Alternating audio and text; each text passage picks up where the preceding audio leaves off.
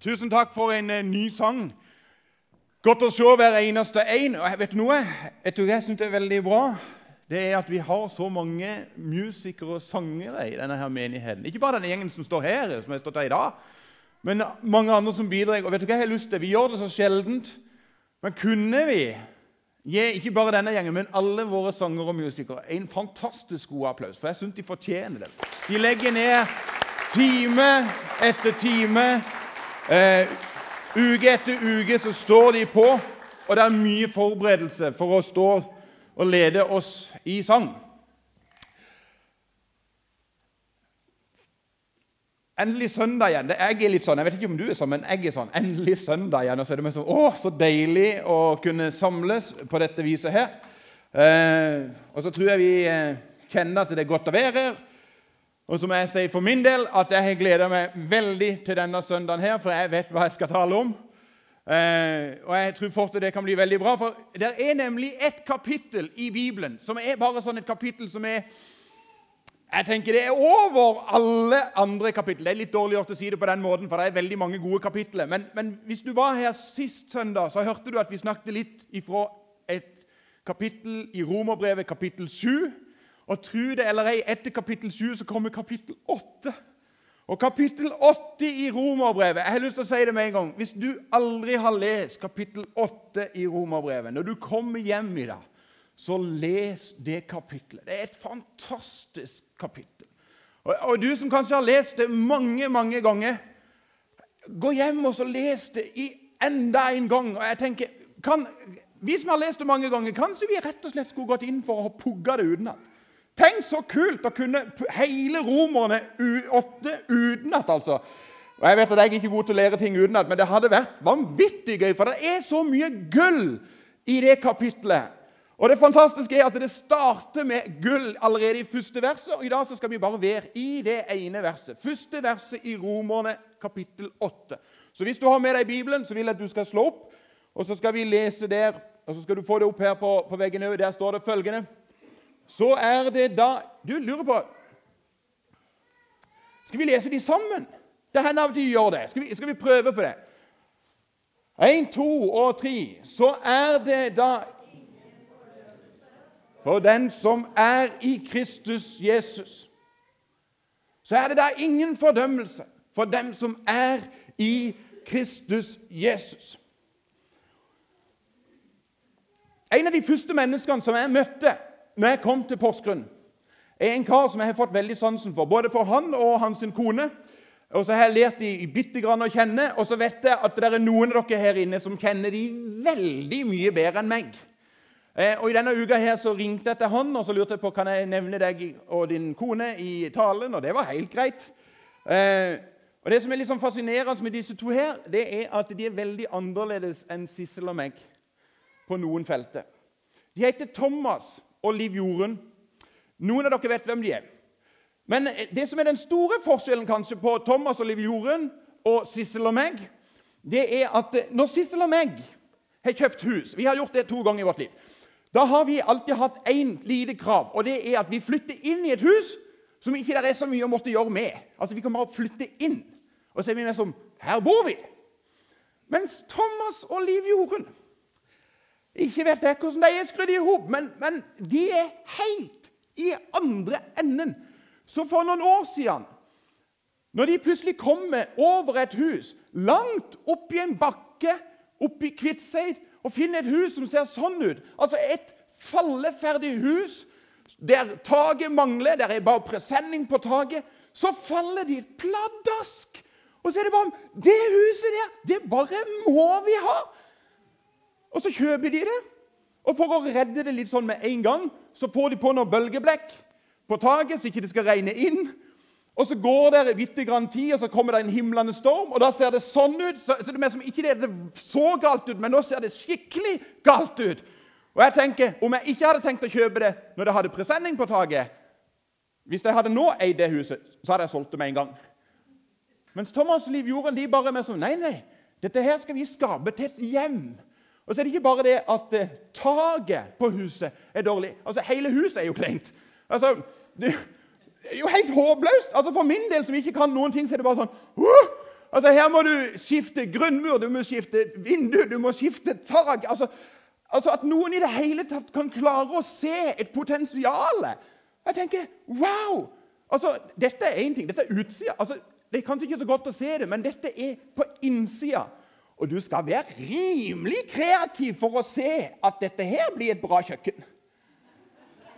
Det, altså, jeg hadde aldri sett at dette er et kjøkken. Jeg hadde bare tenkt Nei, ikke mulig i det hele tatt. Og så har de stått på. Time etter time, år etter år. Og så har de skapt et hjem, og i dag så står det sånn som dette, og du ser ei nydelig kjøkken. Og så har Sissel og jeg vært oppe og besøkt dem, og det er fortsatt langt oppe på en plass der jeg tenker ingen skulle bo. Og det er fortsatt masse arbeid igjen. Men de har skapt et hjem ut av noe som jeg tenker det er jo nesten ikke mulig i det hele tatt. Og Så lurer du sikkert bitte grann på hvorfor i all verden nevner jeg dette her. Eh, greia er nemlig det at i løpet av et liv som nå har blitt noen år, så har jeg møtt en del mennesker som opplever seg sjøl nokså likt som dette huset som Thomas og de kjøpte. Altså, De føler at livet har ikke blitt sånn som de hadde tenkt. Det kan være at de har klart å holdt en litt sånn grei fasade, men mens på innsida så er det kaos, og så er det en sånn stille bønn om at Å, tenk om jeg kunne blitt heil. Tenk om jeg kunne blitt reparert. Tenk om på en måte alt det som skada, skadene som er skjedd, kunne blitt fiksa. Og Så går de rundt og så kjenner de at de er på en måte ikke det de skulle være. Det har vært noen ting i livet som ikke ble det de tenkte. Kanskje et forhold som ikke ble sånn som det var tenkt.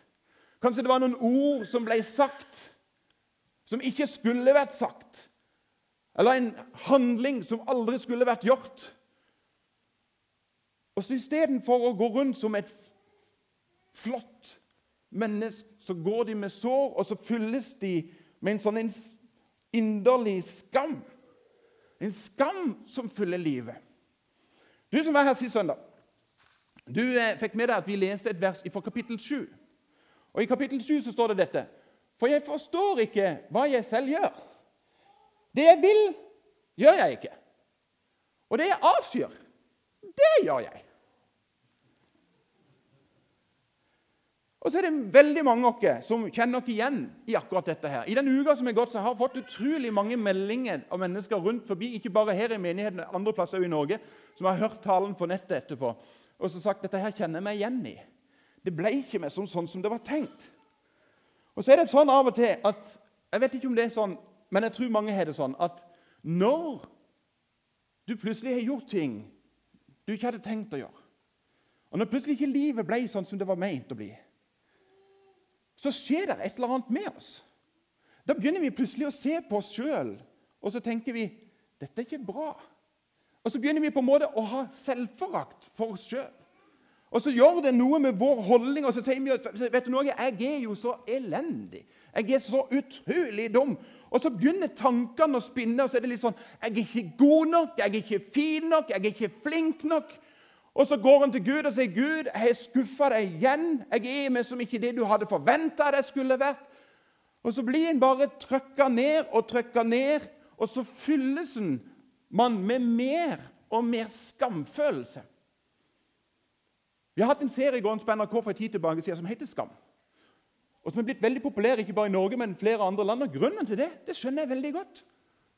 Folk kjenner seg igjen. Det med skam er en veldig aktuell sak for alle oss som er her inne. Men det må si, som jeg sier det, at Skam må aldri forveksles med skyld. Det er stor forskjell på å kjenne på skyld og kjenne på skam. Skyld sier nemlig dette 'Jeg har gjort noe feil'. Skam sier 'Jeg er et problem'. Hele meg er en stor feil. Skyld i sin beste form er jo med og gjør at vi kommer oss videre. Skyld sier på en måte at vet du noe, det jeg har gjort, det er ikke bra. Og så innrømmer det, og så bekjenner man det. Og så er det faktisk Som kristen så er det ofte med oss å trekke oss nærmere til Jesus og til Gud. Men skam, derimot, er helt motsatt. Skam er med å skyve Gud vekk. Og så sier han vet du noe, jeg er ikke verdig, jeg passer ikke inn, jeg er aldeles håpløs og helt uforbedrelig. Et bedre ord for dette her er akkurat det vi la oss i stad fordømmelse. Fordømmelse er jo en sånn ting vi av og til sier 'Å, jeg fordømmer den handlinga, jeg fordømmer den måten de lever på'. Altså, men i bibelsk kontekst så handler fordømmelse om avskillelse ifra Gud. Og så har jeg møtt en del mennesker som lever med selvfordømmelse. De dømmer seg sjøl nord og ned. Og så skyver de alt og alle andre vekk. Og Så har jeg møtt noen mennesker som har så mye skam i livet, og så sier de ja, men Tor, jeg har bedt om tilgivelse, men jeg kjenner fortsatt på skammen. Altså, De har bedt om tilgivelse, og så kjenner de allikevel på skammen. Og vet du noe? Den gode nyheten er at det trenger en ikke gå rundt og gjøre. En trenger ikke å gå herifra og kjenne på en skam. For hva var det vi akkurat la oss for nå? Så er det da ingen fordømmelse for den som er i Kristus Jesus. Altså, Som kristne så blir man ikke definert ut ifra sin fortid. Nei, nei, nei. Som kristen så blir du definert ut ifra hva Jesus har gjort for deg på korset. Ikke alle dine feil, ikke alle dine mangler. Og Det gjør at når han korsfesta alt på korset, så kan vi få lov til å gå herifra. Fri fra skyld, fri fra skam, fri fra fortid, fri fra fordømmelse. Og Jeg har lyst til å vise dere noen få ting i dette verset som jeg tenker det kan være bra å ha med seg. Det ene er dette her umiddelbart. Det kom ikke sånn kjempegodt fram i vår bibeloversettelse. Men hvis du hadde lest Bibelen på grunnteksten og Du trenger faktisk ikke gå så langt som det, men du kan faktisk til og med finne dette her i en engelsk oversettelse. Så er det nemlig et ord som ikke kommet så tydelig fram i vår tekst. Og Da står det egentlig på grunnteksten så står det sånn som dette Så er det da nå ingen fordømmelse. Altså Til og med jeg som ikke er veldig god i norsk grammatikk, hører jo at dette høres litt sånn feil ut. Men jeg tror det var en grunn for at Paulus hadde så veldig behov for å si nå. Så er det da nå ingen fordømmelse. For faktum er jo det at mange tenker ja, men en gang der framme, da kan ting bli bedre. Men vet du noe? Paulus og Guds ord sier akkurat nå, akkurat i dag, så kan du få lov til å kjenne at du kan gå fri herifra. Ikke lenger framme. Vet du noe? Dette her husker jeg så inderlig godt fra mitt eget liv. Dere som har hørt min historie, vet at det har ikke bare vært dans på roser. Men jeg husker den dagen jeg satte meg ned, og så var det en gjeng som ba for meg. Og jeg husker når jeg reiste meg fra den stolen, så var disse ordene her virkfulle med en gang. Så er det da nå, idet jeg reiste meg opp, ingen fordømmelse. Så reiste jeg meg opp av den stolen som en fri mann. Fri fra skyld, fri fra skam. Og så kunne jeg få lov til å gå der som et nytt menneske. Ikke bare at fasaden var fin, men hele innsida ble totalt forvandla. Det andre jeg har lyst til å nevne, dette her er fullkommen. 100% fullkommen. Så er det da ingen fordømmelse. Absolutt ingen. Jeg har av og til pratet med noen mennesker, og så har vi kommet inn på dette. Så er det da ingen fordømmelse. Og da er det noen av de som har sagt til meg Tore, du kjenner ikke meg. Hadde du kjent min historie, hadde du sett hva jeg har gjort, hadde du sett mine handlinger, mine ord, så hadde du skjønt at dette her Dette kan det ikke være gjeldende. At det er ikke noen ting fordømmelse for dette. Vet du hva jeg syns er så fantastisk? Det er at eh, når min Herre og min Frelser ble håna, spotta, slått, spytta på, tredd i tornekrone på, nagla fast til et kors. så tok han ikke på seg bare de syndene som jeg tenkte at de er det greit du tar. Men han tok alle. Til og med de tingene som ingen andre må få vite på. Til og med de tingene som du eller jeg har skjult vekk og tenkt at oi, oi, oi, det skulle blitt oppstandelse hvis folk virkelig fikk vite på hvem jeg var. Vet du nå, Jesus nagla absolutt alt. Absolutt alt. Aldri glem at din synd, min synd, alt det gale vi har gjort, er som en dråpe. Som en bitte liten dråpe i Guds uendelig store tilgivelse. Vår sum av all feil og mangel og skam er som en dråpe i Guds store tilgivelse. Da kan vel vi bare leve just som vi vil? Det, vært, det er noen som har kommet til meg og sagt ja, men Tore, da kan jeg jo gjøre hva jeg vil. Altså, Hvis Gud alltid elsker meg, og han alltid tilgir meg, og, så er det jo helt greit. Det, jo, det er jo helt fett hvordan jeg lever. Når noen sier det til meg, så lurer jeg litt på om de egentlig har skjønt hva dette handler om. Om de bare rett og slett liker ideen om Gud og liker konseptet Gud og himmel og kirke og fellesskap i menigheter. Og som rett og slett ikke kjenner til at dette handler om en relasjon mellom oss og Gud. Jeg må bruke et eksempel. Jeg vet at jeg av og til prater mye om kona mi, men hun er jo himlende deilig òg, da. vet du. Det er det lett å prate om henne. Nå har det seg sånn at kona mi, i tillegg til å være fin og alt det der, så, så sier hun av og til til meg at 'Tore, jeg elsker deg.' Og så tenker jeg 'wow'. Og så er hun trofast. Og så tilgir hun. For det har hendt at jeg har sagt dumme ting, og så har hun tilgitt meg for det. Og det er klart at Når jeg har ei kone som elsker meg, og som tilgir meg, og som er trofast, så kunne jo jeg kanskje ha tenkt tanken Da gjør det jo ingenting om jeg har et par damer på si. Eller som ungdommene sier, ligge litt rundt. Vet du noe? Tanken har aldri streifa meg. Han har aldri streifa meg på meg. Når hun sier at hun elsker meg Hva er det jeg ønsker da? Det er jo akkurat det samme å elske tilbake igjen. Når hun tilgir, så ønsker jeg å tilgi. Ja, vi gjør jo feil. Ja, vi sårer hverandre innimellom. Men vi ønsker jo alltid å knytte nær relasjon til hverandre.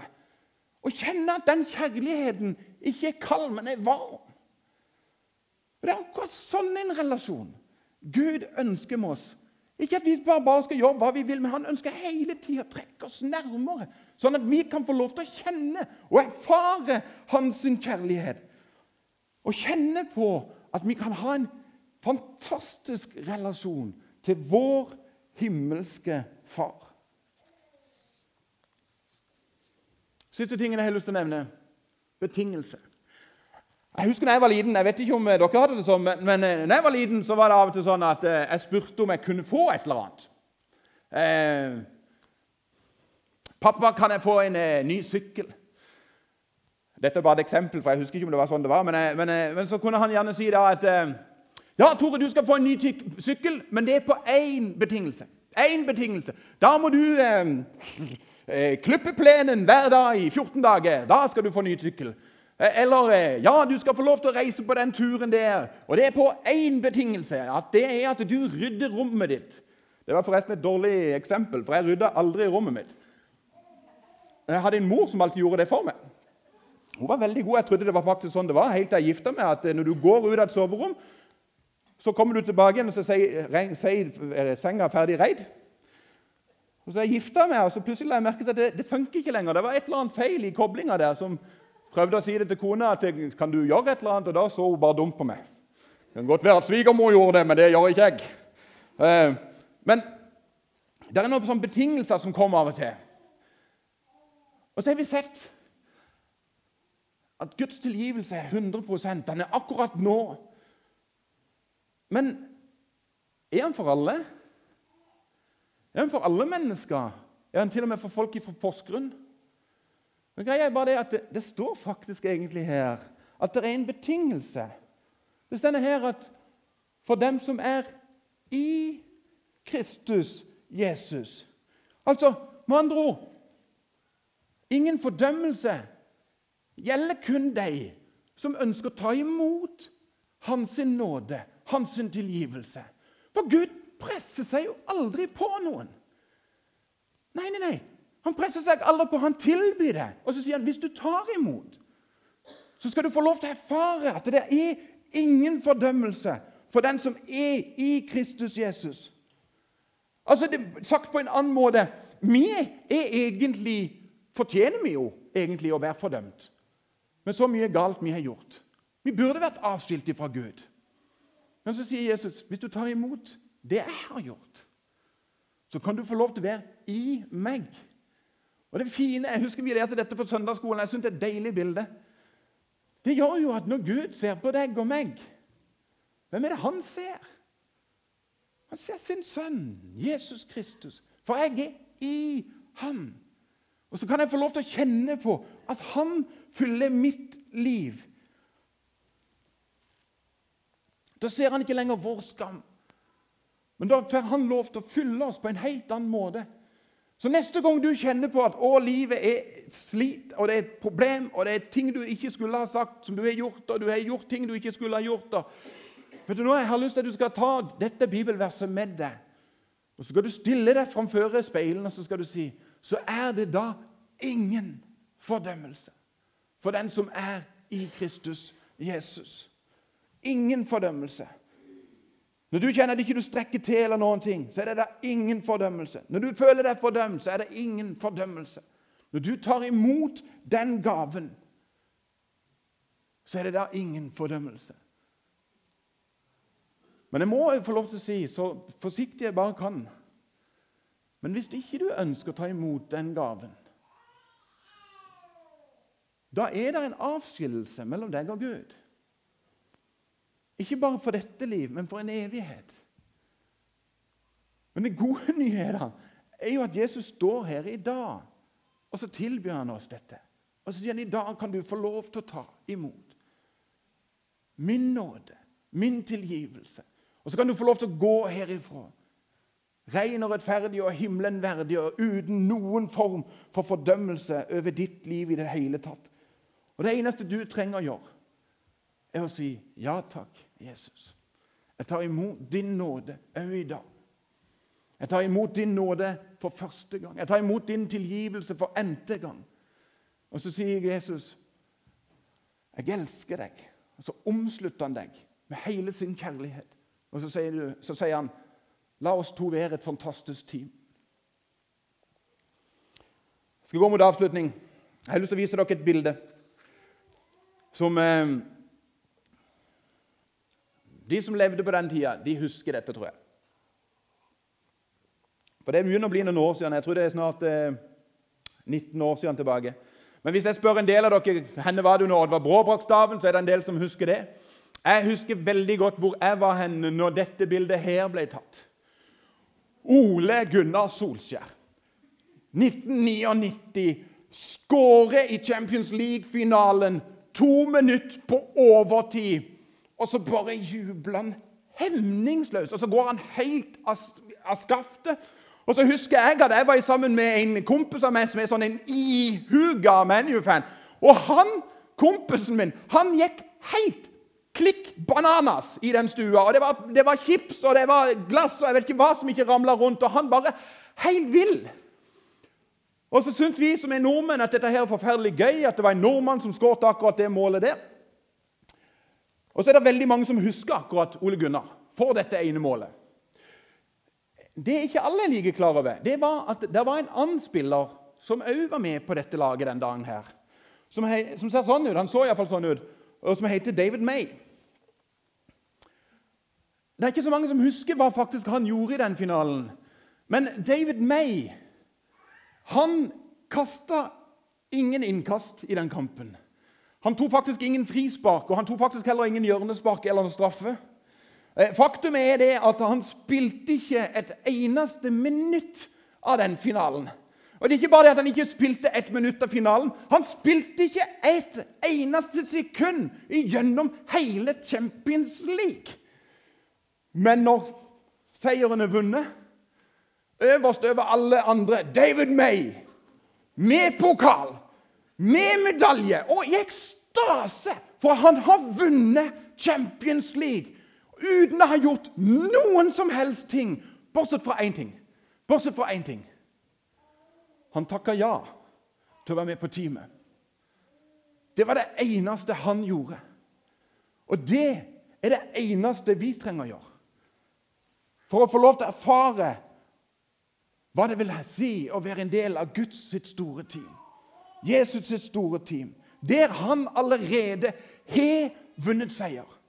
Ikke snakk om at kanskje han vinner, men han har allerede vunnet seier. Og så står han framfor alle oss i dag, og så sier han, 'Min nåde, den er nok.'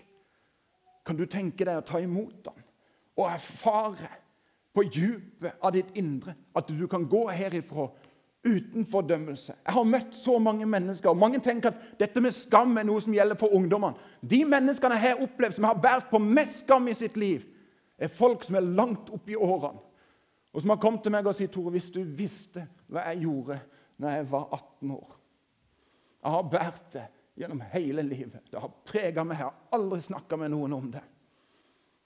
Og så får de plutselig erfare at når noe blir sagt, så er det en som kommer inn og sier vet du noe, så er det da ingen fordømmelse. For Hans nåde er nok på det området der. Det er ingenting som du trenger å bære ut av dette rommet hvis du ikke du ønsker. Men han kan få lov til å ta hele greia. Og så kan han få lov til å gjøre med deg som det Thomas og Liv Jorden har gjort med et hus. Han kan få lov til å istandsette deg til hva du var kalt til å være. Istandsette deg til det du var skapt til å være. Og så er det ikke bare nok med at han tetter taket og fikser fasaden. Nei, nei. Han går inn i hvert et rom av ditt liv. Og så fyller han det med sitt lys, med sitt nærvær, med sin kjærlighet og sin uendelige, grenseløses nåde. Da er det ikke bare en snekkergutt fra Porsgrunn som er på banen. Nei, nei, nei. Da er det Frelseren sjøl, snekkersønnen fra Nasaret, som istandsetter reparere og lege og hele et menneske. Lovsangsteamet, dere kan komme opp, og så skal vi be. Jesus, jeg takker deg for det at du er her. Jeg takker deg for det at eh, din nåde den er ny hver dag. Jeg takker deg for det at vi kan få lov til å kjenne og erfare at du er levende. Jeg takker deg for det at vi trenger ikke å gå herifra lenger og bære på skam eller av egen selvfordømmelse. Men vi kan gå herifra med å ta imot din tilgivelse og kjenne på at vi er rene og rettferdige, og vi er uten fordømmelse. Og så er vi i deg. Det priser jeg deg for. I Jesu navn. Amen.